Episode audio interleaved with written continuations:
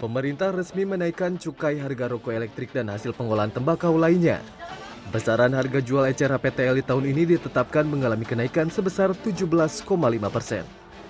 Berdasarkan harmonisasi pengaturan perpajakan, klasifikasi cukai rokok elektrik mengalami perbedaan jika dibandingkan tahun-tahun sebelumnya. Cukai rokok elektrik akan meliputi jenis padat, cair sistem terbuka, dan cair sistem tertutup yang rata-rata mengalami kenaikan sebesar 17 persen. Sementara hasil pengolahan tembakau lainnya akan meliputi tembakau kunyah, tembakau molasses, dan tembakau hirup mengalami kenaikan antara 12 hingga 17,5 persen. Untuk rokok elektrik cair, sistem terbuka dan tertutup akan berdasarkan mililiter dan untuk yang padat tembakau kunyah berdasarkan berat yaitu gram. Satuan HJE-nya tetap menggunakan gram mililiter cartridge dan penyesuaian minimum HJE adalah kenaikan minimum HJE-nya 17,5 persen. Besaran tarifnya adalah spesifik disesuaikan dengan besaran kenaikan dari HJE tersebut. Kenaikan cukai rokok elektrik disambut baik oleh produsen hasil pengolahan tembakau lainnya. Menurut produsen liquid lokal, dinaikannya cukai rokok elektrik dan HPTL dapat memberikan kepastian hukum bagi produsen dan pengusaha.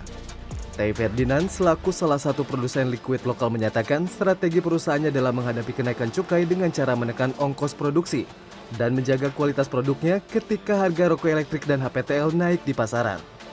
Jadi dengan kenaikan cukai ini kami percaya eh, tentu saja di awal-awal pasti akan terjadi koreksi harga di pasaran. Tapi kami percaya dalam jangka waktu ke depannya masyarakat juga bisa akan menerima dan percaya uh, keputusan yang dilakukan oleh pemerintah adalah keputusan yang terbaik sih.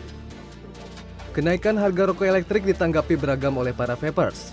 Beberapa vapers mengaku menghabiskan rata-rata 200 ribu per bulan untuk membeli liquid rokok elektrik.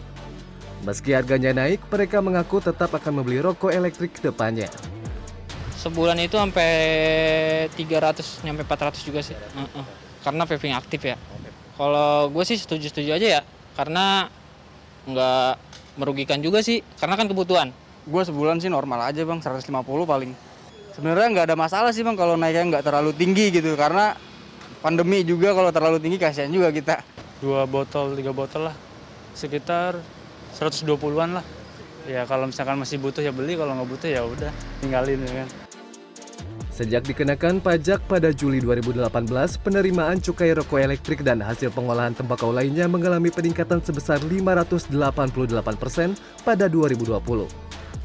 Untuk tahun ini, pemerintah menargetkan penerimaan cukai dari HPTL sebesar 648 miliar rupiah. Tim Liputan CNN Indonesia, Jakarta.